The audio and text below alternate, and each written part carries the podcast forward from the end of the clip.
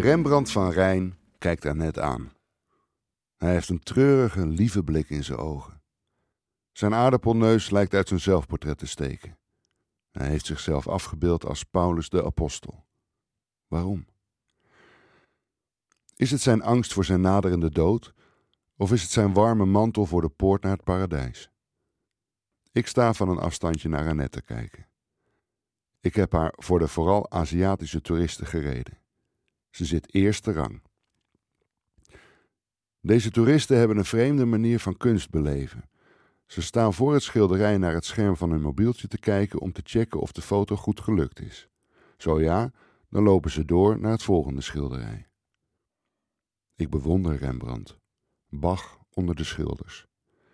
Het is makkelijk vrienden met hem te worden. Hij geeft geen antwoorden, maar hij stelt je vragen. Elk schilderij weer andere. De vragen zijn aan de kijker persoonlijk.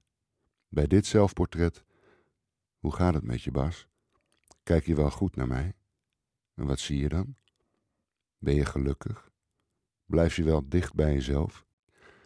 Annette wenkt mij. Ga eens op je hurken zitten.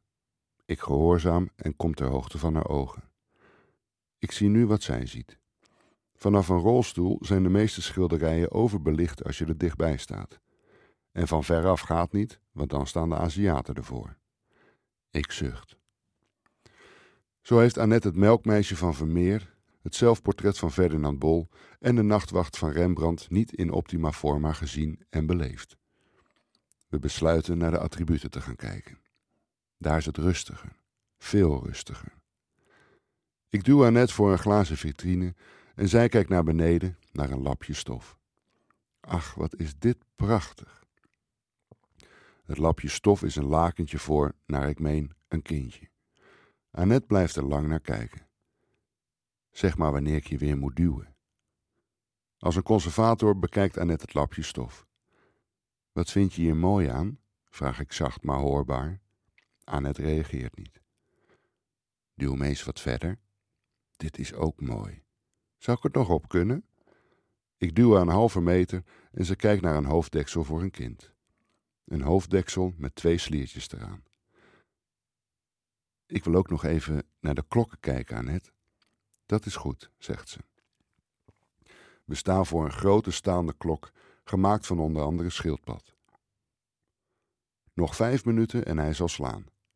De rustig tikkende klepel, het krachtige postuur van de staande klok, ik kan er uren naar kijken. Dan is het tijd. De klok wint zich op en laat een klingelklangel horen van een minuut. Dan twee heldere, strenge slagen. Dong, dong. Ik draai me om en steek mijn vinger op. Annette hoort het. Ik houd mijn vinger omhoog om aan te geven dat de echo van de slagen nog lang doorklinkt. Dit hoort Annette niet.